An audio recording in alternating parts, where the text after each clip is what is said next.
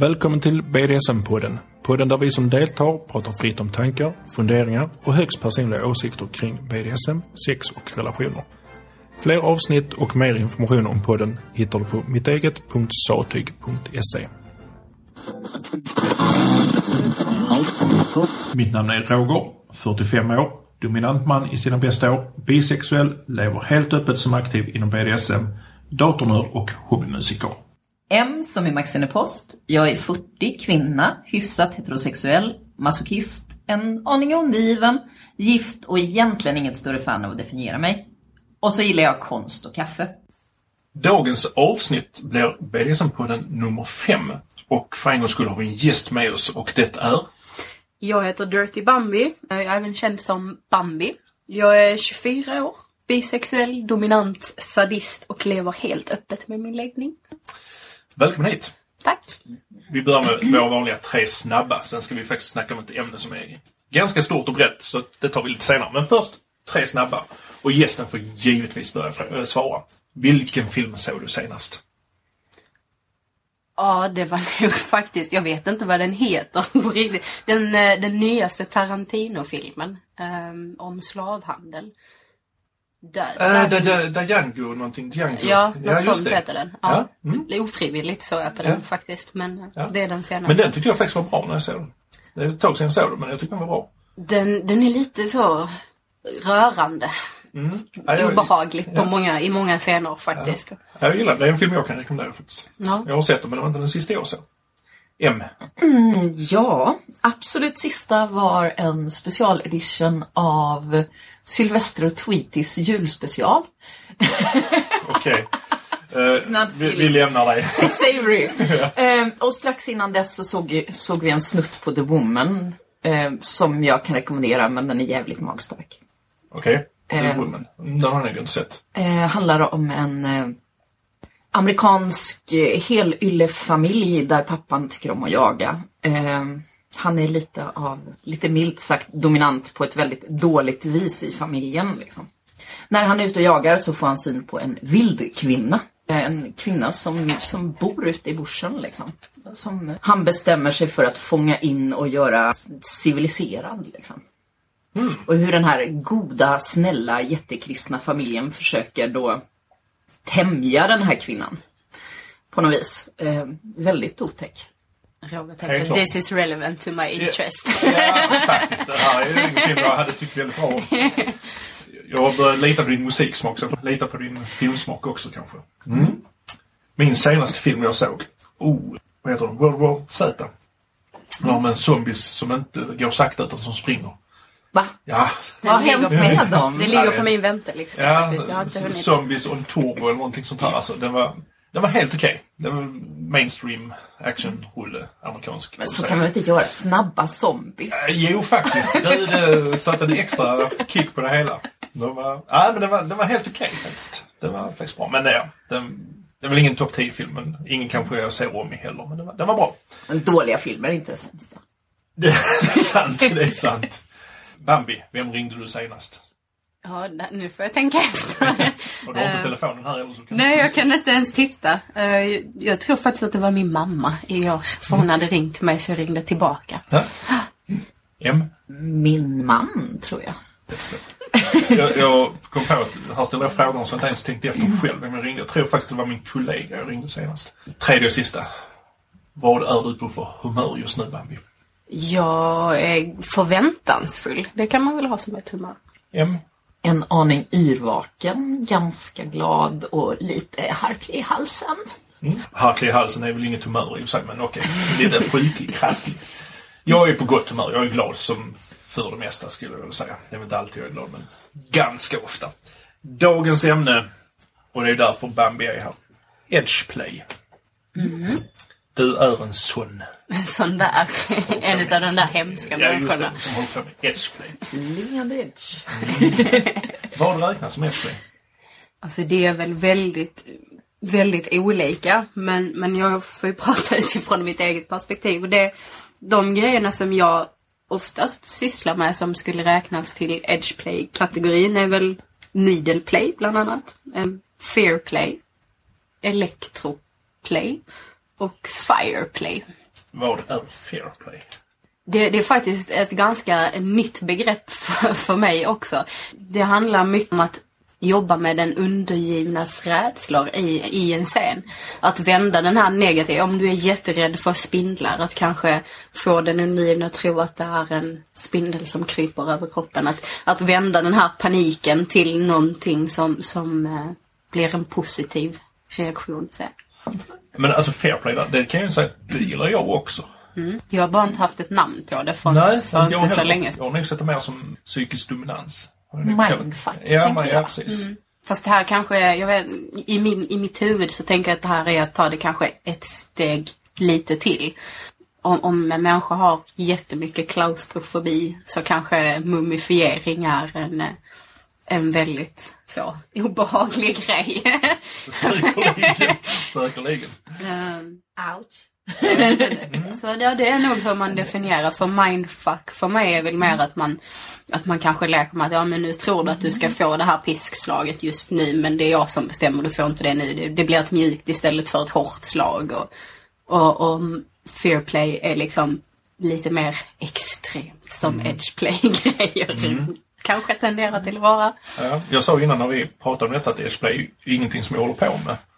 Men jag, nu när du säger detta här så då får jag ju faktiskt säga att jag håller ju på med edgeplay. Om detta är en del av edgeplay.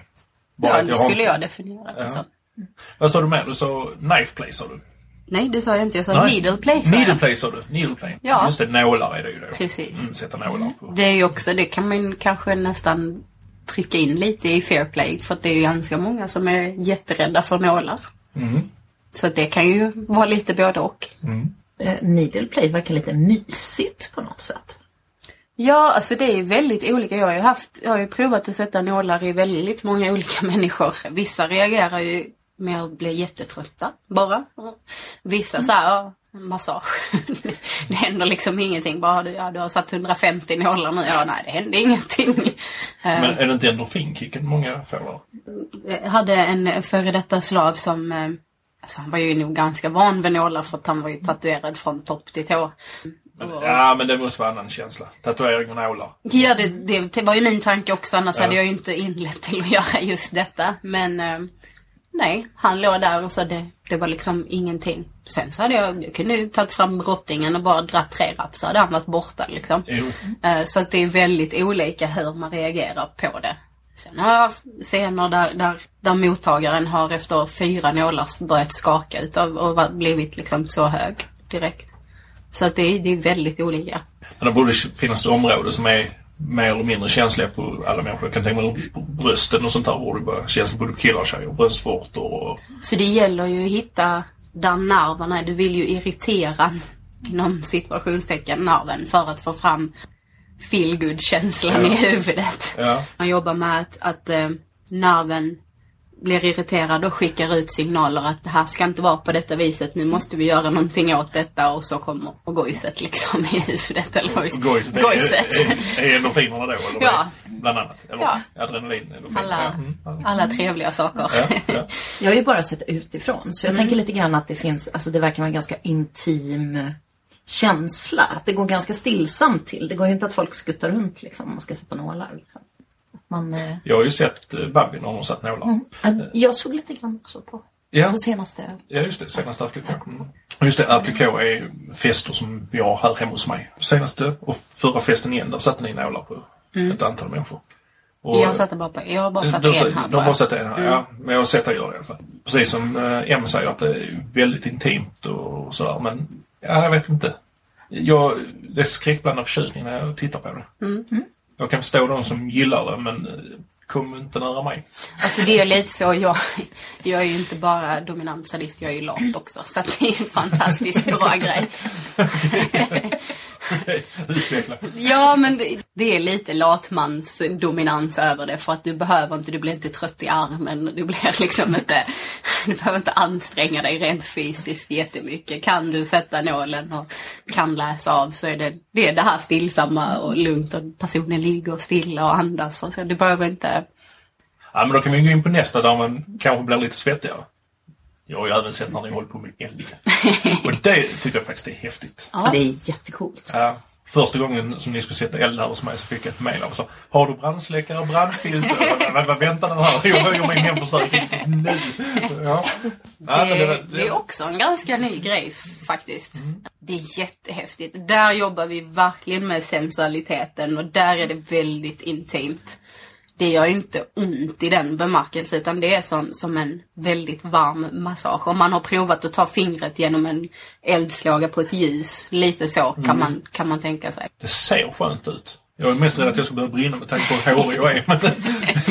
Jag tänkte att det skulle vara så himla mysigt men jag är så jäkla värmekänslig. Så det brände faktiskt. För jag provade då. Ja, Bara ja. jätte... Nej men vi är väl olika allihopa. Så, så är det ju. För det Jag- såg så häftigt ut. Liksom. Ja, men det, det är mycket en, en uppvisningsgrej. Alltså om man ska göra något eh, shownummer på en fest eller någonting så är det ju fantastiskt för alla kommer ju ställa sig och titta. ja, det är ju väldigt häftigt att kolla på. Det är, Det är ju, det är ju.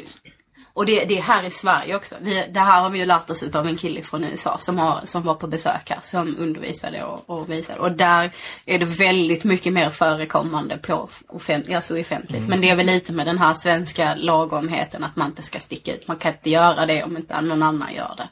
Första gången ni här hos mig så stod ni ute på min äh, altan, eller Mm. takterrass om vi ska vara korrekta.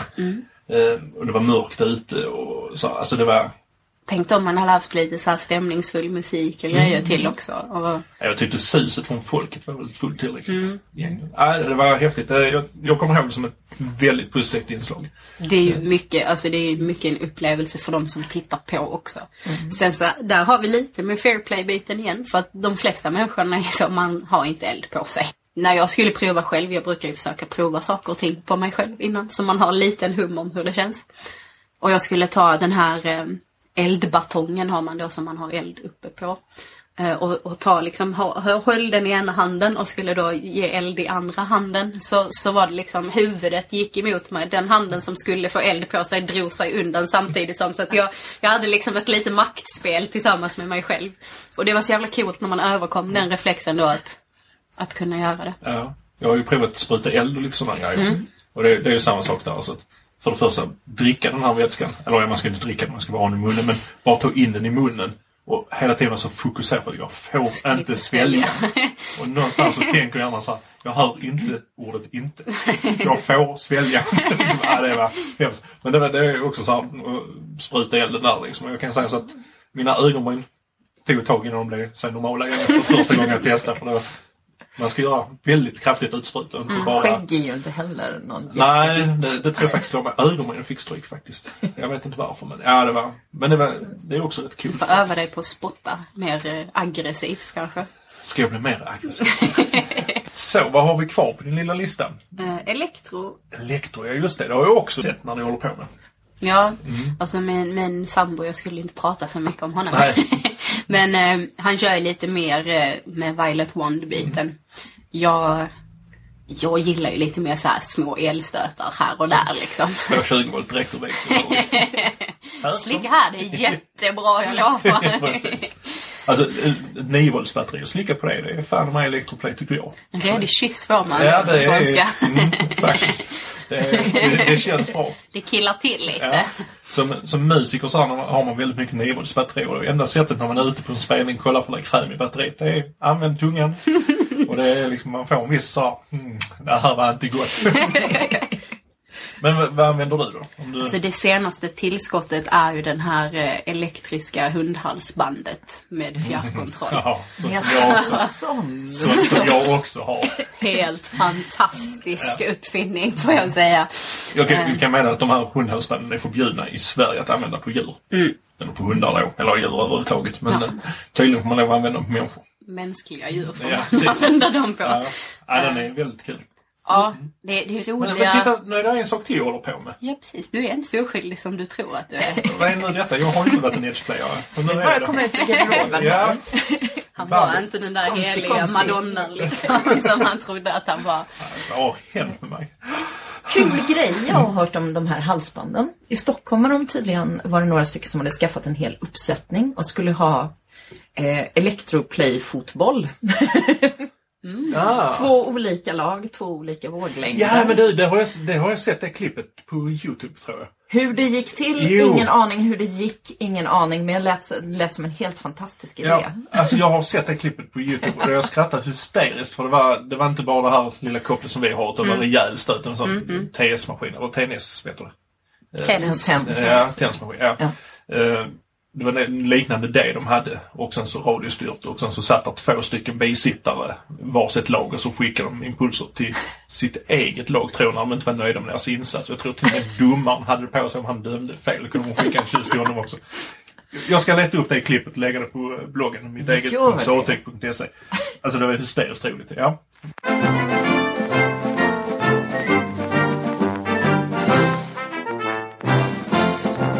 Jag hade ju en jätterolig ehm, kväll med det här när jag nu fick använda det för första gången, det här halsbandet. Vi, eh, vi var faktiskt iväg och åt på eh, Subway. Ehm, och när han skulle betala så, så hade jag ju redan gått och satt mig vid bordet och han hade ju denna då på pungen.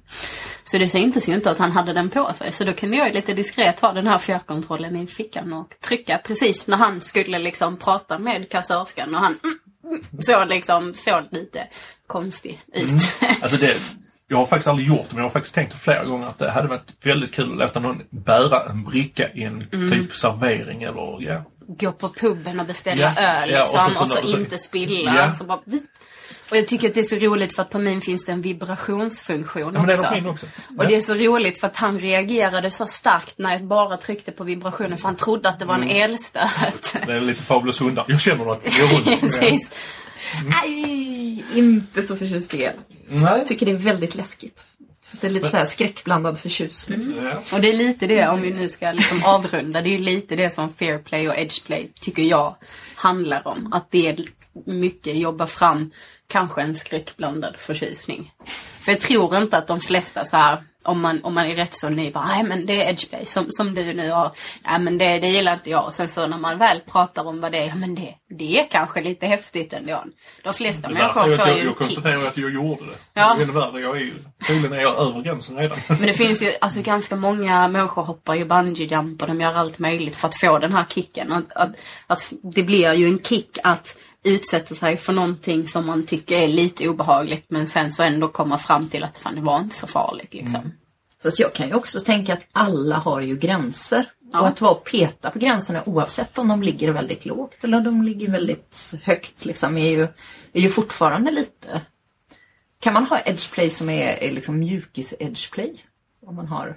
Man kan väl göra det, det finns väl inget som är rätt eller fel. Nej, Men alltså, alltså, man, men förstår du vad jag menar? edgeplay för mig är ju Att den- gränsspel.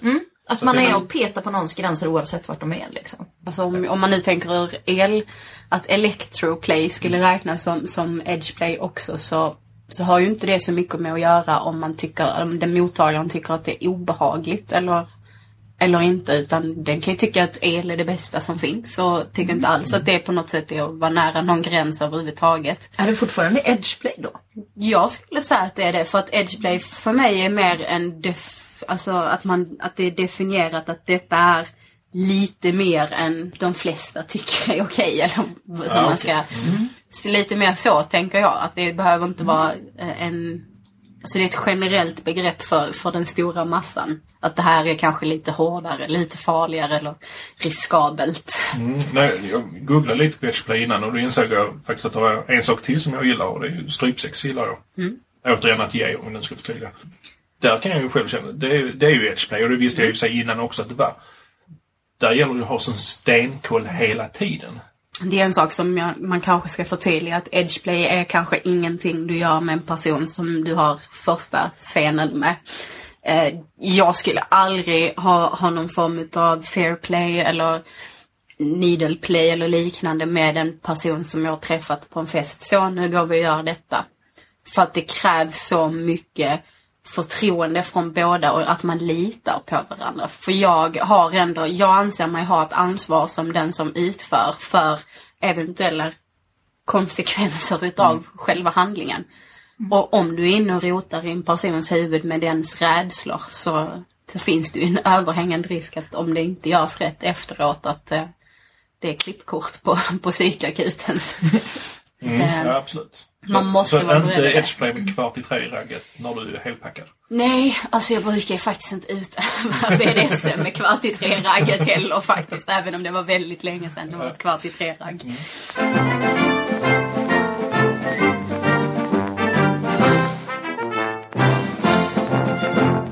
Att det är farligt har vi kommit fram till. Att, Fast farligt är så dåligt ord för det är så avskräckande. Och där är risker med Ja.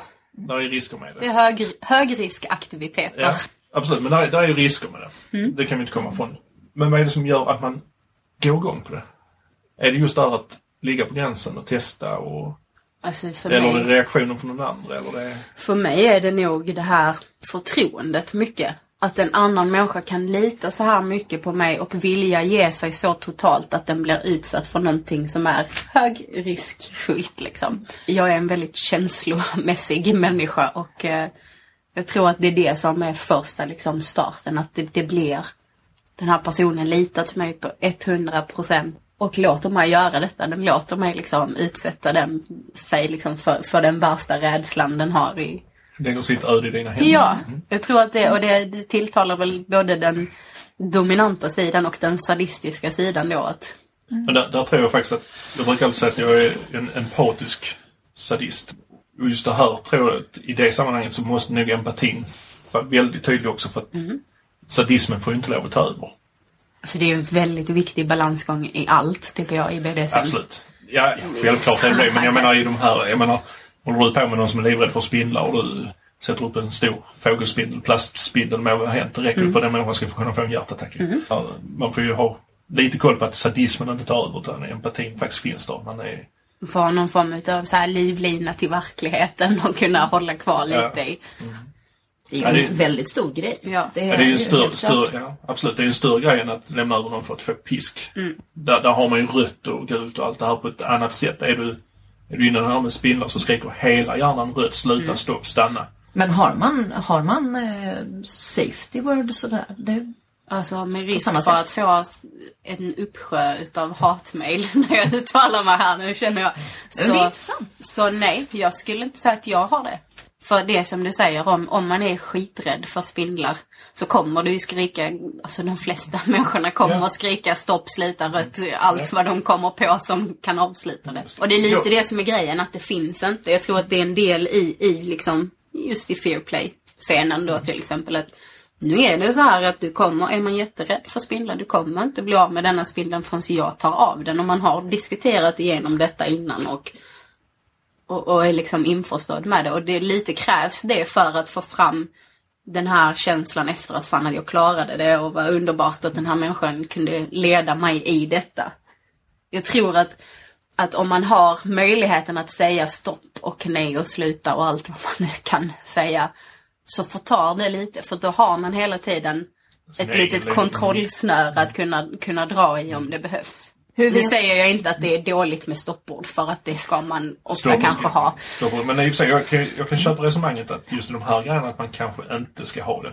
Om, om jag har en eldscen med någon så om det börjar göra ont någonstans, att det liksom bränner väldigt mycket, då får man jättegärna kommunicera att nu, nu bränns det jättemycket på min, mitt högra bröst liksom. Och så kan jag ha det i beräkningen. Det är inte samma sak som att säga du kan inte göra det där, du, du måste sluta. Att man kommunicerar är en helt annan sak än att säga paus eller sluta eller Det är sant. och så tycker jag att med tiden blir stopporden ganska överflödiga. Alltså, jag kan ju inte tänka mig att Emma och hennes man använder stoppord speciellt mycket. Jag hade ett stoppord en gång i tiden. Jag har, vet 17 om jag kommer ihåg det. Eh, Så ofta användes det. men just att det blir så viktigt, man verkligen känner varandra. Det är ju för bådas trygghet. Alltså i min moral så vill jag inte utsätta någon för något som som blir liksom ett problem hela livet sen. Att, att jag kan aldrig se en spindel utan att få upp den här scenen då. Den här fruktansvärda Bambi Ja, utsatte mig för det här Inte med hemska att jag är rädd för liksom. spindlar, nu är jag rädd för Bambi. ja, Jag slutade vara rädd för aldrig- spindeln, nu är jag bara rädd för Bambi. kan aldrig titta på Bambi på TV längre liksom.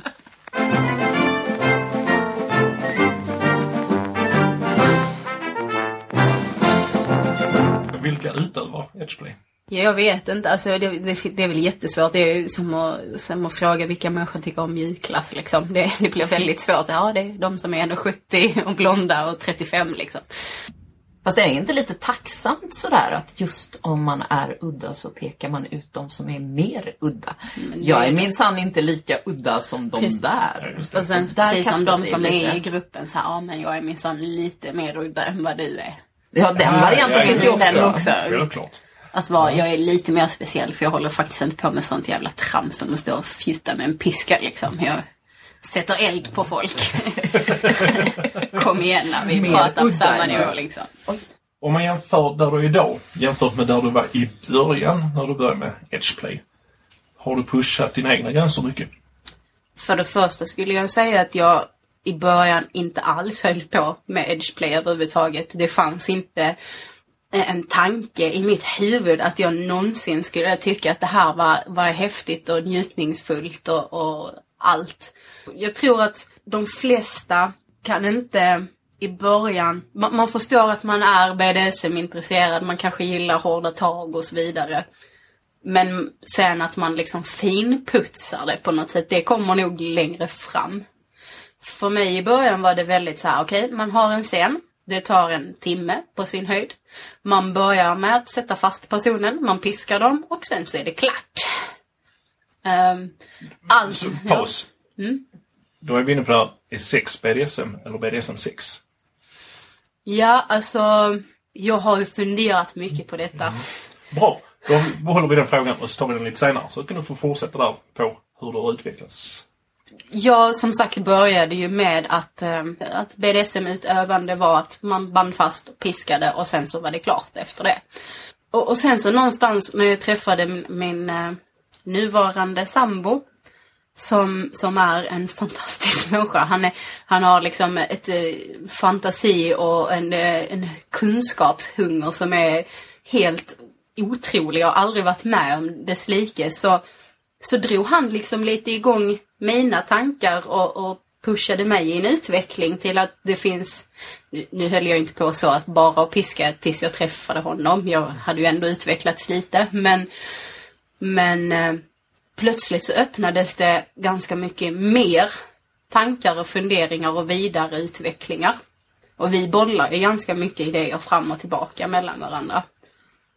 Eh, så jag skulle väl säga att det, det är lite som att man, om man bygger, bygger lego eller bygger hus eller man har liksom först, först eh, lite grunder att ja men det, man har en uppfattning om hur lång tid det ska pågå och vad det är och så vidare och sen så träffar man olika människor och man hittar, tar en liten legobit ifrån dem och sätter tid där och så blir det till slut kanske ett hus om man har tur.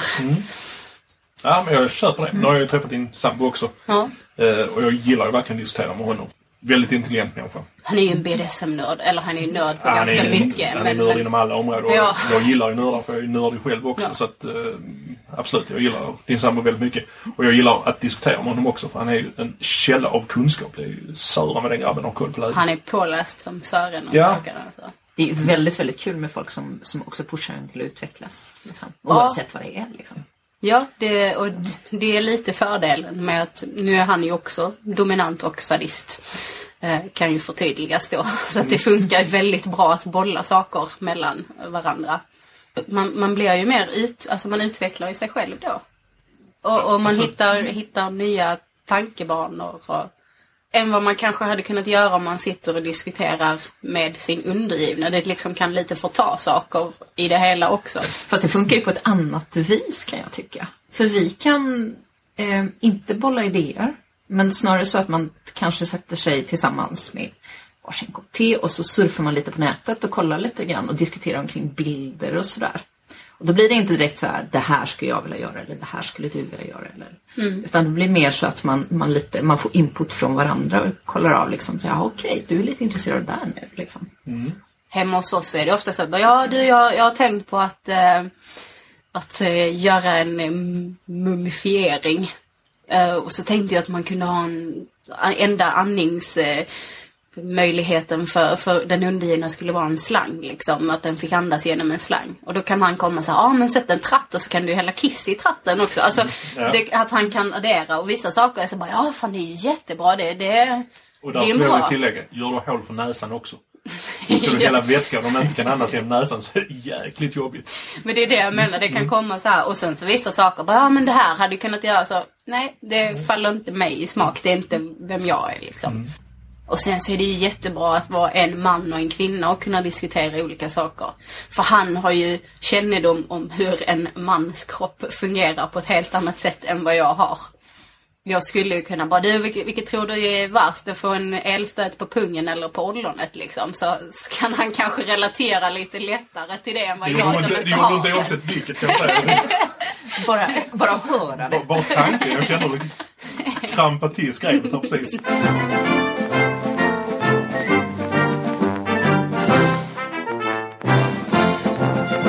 Jag, jag lär mig varje gång jag träffar en ny person och utövar någonting överhuvudtaget på den personen så lär jag mig jättemycket. Eh, Nya saker hela tiden. Ja, det gör mig. Det är ju erfarenhetsbiten i det. Mm. Det skulle vara rätt intressant att när jag började min resa inom BDSM lite mer så här, att jag hade koll på att det var BDSM jag höll på med. När jag började min resa där, man skulle träffat den personen man började med idag. Och sen så liksom bara fortsätta där man är idag kontra var jag var då. Det är lite så jag har som situation idag. Lyx. Jag, Det är lyx. Jag har börjat med den, den första slaven jag hade har jag haft ett uppehåll med och tagit upp det nu. Och eh, där har ju varit ett glapp på ett, ett par år Mm. eller så. Det är lite så, här har du ditt BDSM-liv. Ja, lite så. för mig har det blivit ett glapp på 10, 12. Ja, fast nu är du ju lite jag är äldre än mig. jättegammal. Ja, ja. Jag är pinung liksom. ja herregud ja. Knappt fått hår. Too much information. Mm. Ja, men det känns så här att jag har fått lära mig jättemycket om Edgeplay då. Men vi har en fråga. Jag med. Tar du den först? Nej, nej, nej, nej, jag menar jag har också lärt mig. Du har också lärt dig? Ja, okej, jag tror du hade en fråga till. Säkerhetstänk. Ja, Det är ju ganska stor grej. Oavsett om det är inom Edgeplay eller vanlig BDSM. Stoppord och allt det här, det är ju det vanligaste inom BDSM. Inom Edgeplay snackar vi om att man använder helst en stoppord. Eller du. Jag gör det. Du. Jag ska inte säga man. Du. Jag vet ju också att du, precis som jag, läser av hela tiden när du är med någon. Och ibland misslyckas man ju, tyvärr. ja. Man är inte mer än människa även om det är svårt att erkänna det ibland. Ja. Jag förstår inte alls vad du pratar. Men säkerhetstänket. Vad ska man tänka på? Jag menar el. Blod. Nålar. Ja, El. alltså jag är ju då rackanhängare.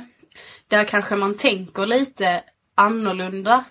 F- för jag anser att man kan göra precis vad som helst så länge man är medveten om riskerna som kan hända. Förbereder sig på att det värsta kommer att hända. Sätter jag nålar i en person till exempel så är jag förberedd på att den här får en blodsmitta. Att eh, personen kommer eh, svimma. Eh, allt vad det nu kan vara. Alltså infektioner. som menar blodinfektion eller vad menar Ja. Ja, så att man får hepatit C eller att jag blir smittad Mm. eller, eller liknande utav. du? vet, Nu har jag ju sett när du gör det, du du handskar på dig alltid. Ja, och jag, det, det är det jag menar, att det finns en, en riskmedvetenhet i, som rackanhängare. Att det är helt okej att göra precis vad som helst om du är medveten om riskerna. Förberedd på att det värsta då kan hända. Och du, att du har en plan för det. Och med nålarna där så är jag ju förberedd genom att, att se till att underlaget är, är sterilt, som, eller höggradigt rent i alla fall. Ehm, jag har alltid handskar både för min säkerhet och för mottagarens säkerhet. Nålarna är ju alltid sterila. Mm, Jag har alltid fruktsocker med, alltså Dextrosol, så att man kan Ah, till stoppa in. personen. Tänkte- Fruktsocker och blod. Jag tänkte, vad ska du ha det till? Stoppa blödning?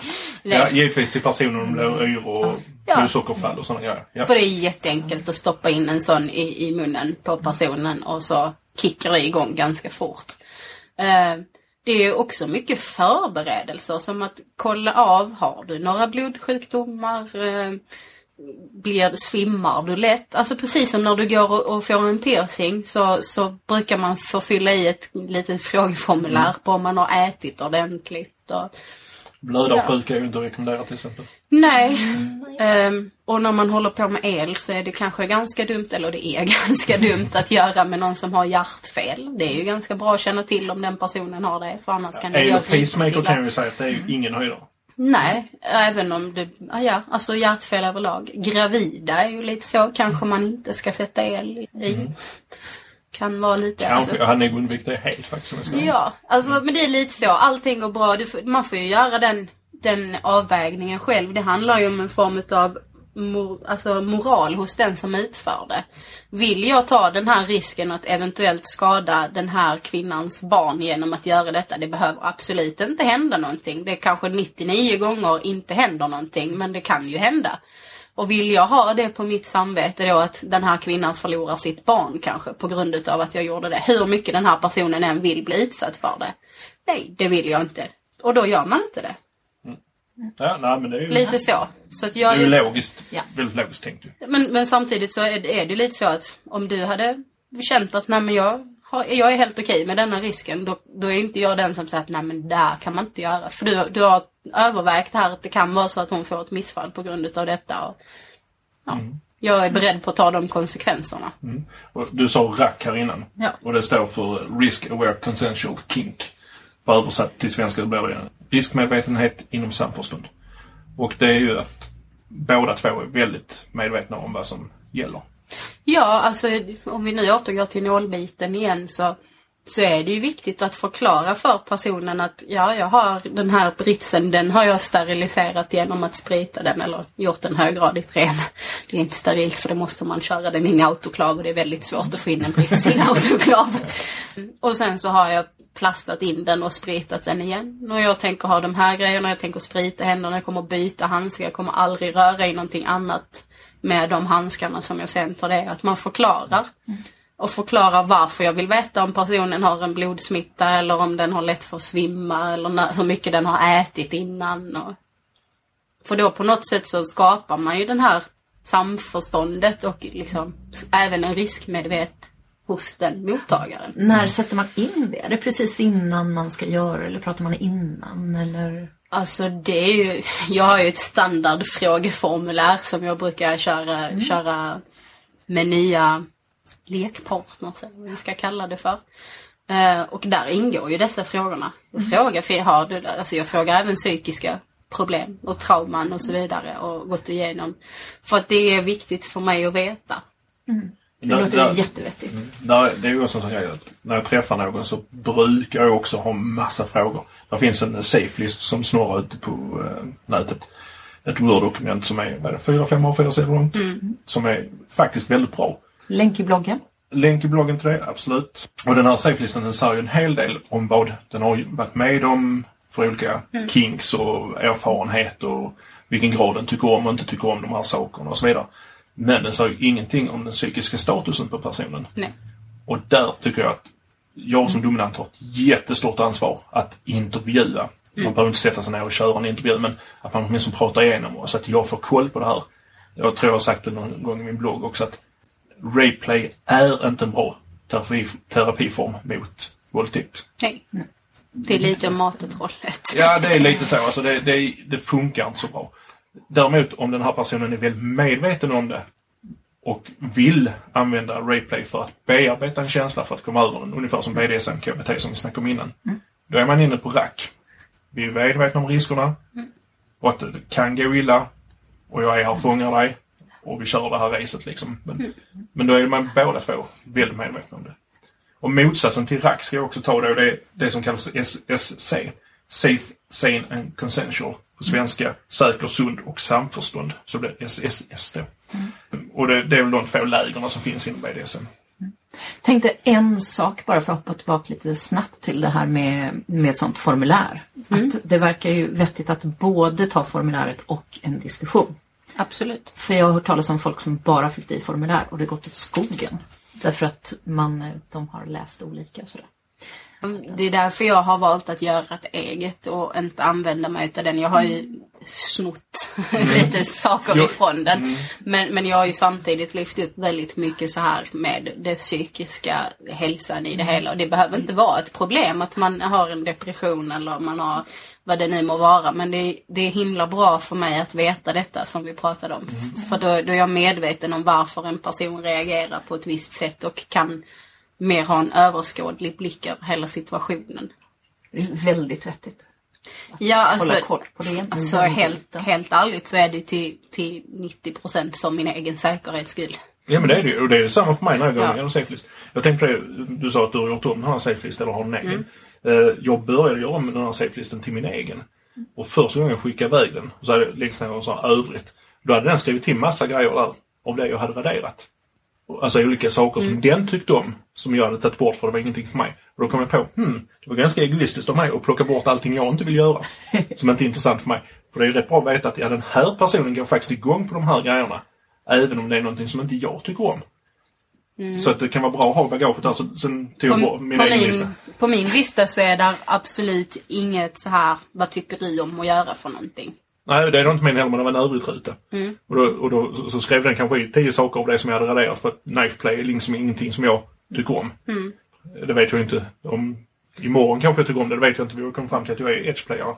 Men, men eh, så knife play hade jag tagit bort från den här listan. Ja. Och den här personen tyckte om knife play och skrev i det själv att erfarenhet av knife play och tycker jättemycket om det. Och då kan man fråga, varför ska jag ta bort saker ur en lista som inte jag vill göra? För det är faktiskt bra att veta att den här personen tycker om det.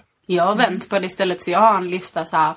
Jag tror frågan lyder ungefär. Hur ställer du dig inför följande aktivitet och vad har du för erfarenhet utav det? Och sen så har jag då liksom radat upp x antal saker som jag uppskattar väldigt mycket. Så att jag har, jag har inte ens med vad, vad de tycker om. Och att, jag har inte en övrig ruta där de får önska sig någonting eller jag vet inte. Nej, det har inte jag heller. Det var ju den, i den här kanske här, det finns en eh, övrigt. Jag, extra- jag tror den här övrigt är till för att man ska skriva liksom så här att jag har problem med vänstra knä så att... Mm, nej, det har jag ju. Jag har ju en fråga specifikt. Inte Ja. till det om du har ont i höger eller vänstra knä. Men om du har några fysiska eh, nedsättande. Det kan vara så att vi ska lägga upp din safe-lista också om du vill dela med dig av den. Ja, det kan vi absolut göra.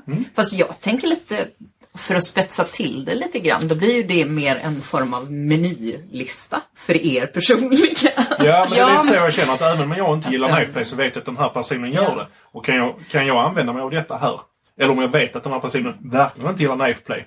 Då kan man ju faktiskt lägga en kniv klart synlig. Bara för att trigga igång en... Samtidigt så tycker jag att om jag, om det bara var jag tycker om som eh, frågas så höjer det lite att själva rollspelet eller vad vi ska kalla det för. Att, att det är ändå min njutning som är nummer ett i det hela. Ja, men Förstår du vad jag lista, tänker? Ja, det gör jag. Men den här listan är mer utbyggd för att jag har de här erfarenheterna. Jag har erfarenhet Mm. av det eller inte alls. Och jag tycker om det 0 till 5. 0 är att absolut inte Mm. under några omständigheter. 1 är jag kan ta det som ett straff och sen så stigande skala till 5 att please do it. Mm. Liksom så här. Och då, då får jag ju en uppskattning av det här. Jag menar, står det en femma på någonting så kan jag ju liksom skita i det. Jag behöver inte använda mig av det. Även om den personen Mm. Absolut. verkligen tycker om det och går igång på det så behöver jag inte använda mig av det. Jag tror att anledningen till att inte jag har det så är nog för att jag har utvecklat någon form av lite allergi på det här. Jag är så van vid att få de här mejlen där det, åh snälla gör detta och detta och detta med mig. Ah. så att jag tror Ja, att det blir det lite så. kan jag förstå. De får jag också. Gör vad du vill med mig. Jag, det har jag något inlägg på min blogg, eller det vet jag att jag har ett inlägg på min blogg där någon kille mejlat mig att han, jag fick göra vad jag ville med honom. Jag kommer inte ihåg vad jag föreslog, men det var säkert klippa av en kuk eller något sånt. Jag brukar fråga Och då var jag ja, oseriös. bruk- Jag brukar säga, men det är jättebra, då vill jag bajsa dig i munnen. Jag har aldrig fått ett svar tillbaka att ja, gör det. Okej. Och om det är någon som svarar ja tack. ja, då får jag väl man up. Ja, man precis. Då får du ta en förlaget. ja, precis. Ja. Om man gör en sån lista, vill man inte också veta hur den andra personen funkar? Jag förstår att man är jättetrött när man får hundra mejl så här, gör det här. Jo, fast samtidigt så är inte den här listan den enda kommunikationen man har Nej. med... Nej, absolut inte. Man har ju pratat jättemycket i samtal och mejlar och sånt där. Jag råkade ut för en fadäs för ett tag sedan. Jag träffade en som eh, hade glömt ett ord i en mening. Det är inte okej att dra mig i håret. Blev, det är okej att dra mig i håret. Det blir lite fel Det blev väldigt fel när jag drog henne i håret kan jag säga. Sen så vill jag bara förtydliga att det är helt okej att, för jag har ju också en sån här punkt på listan där, vad är dina hårda gränser, no-nos? Eh, och det, det kan ju vara svårt att veta alla sina gränser så här rakt av. Man kan ju stöta på saker som att nej det här kändes inte så bra. Så det vill jag liksom förtydliga att det, att man, det är helt okej att man inte vet alla sina gränser. Till exempel det här då med att nu visste ju den här personen att hårdragning inte var hennes grej. Det kan ju bli så att man råkar, råkar göra någonting som inte det står i, i det här intervjun eller vad vi ska kalla det för. Att, Det går inte att tänka på allt, allt, Det kan allt. ju Nej. också vara någonting som man kan tänka sig att göra med en person men det kändes inte bra med Ja. i just den Eller situationen. just den dagen, eller, kanske. Ja, precis.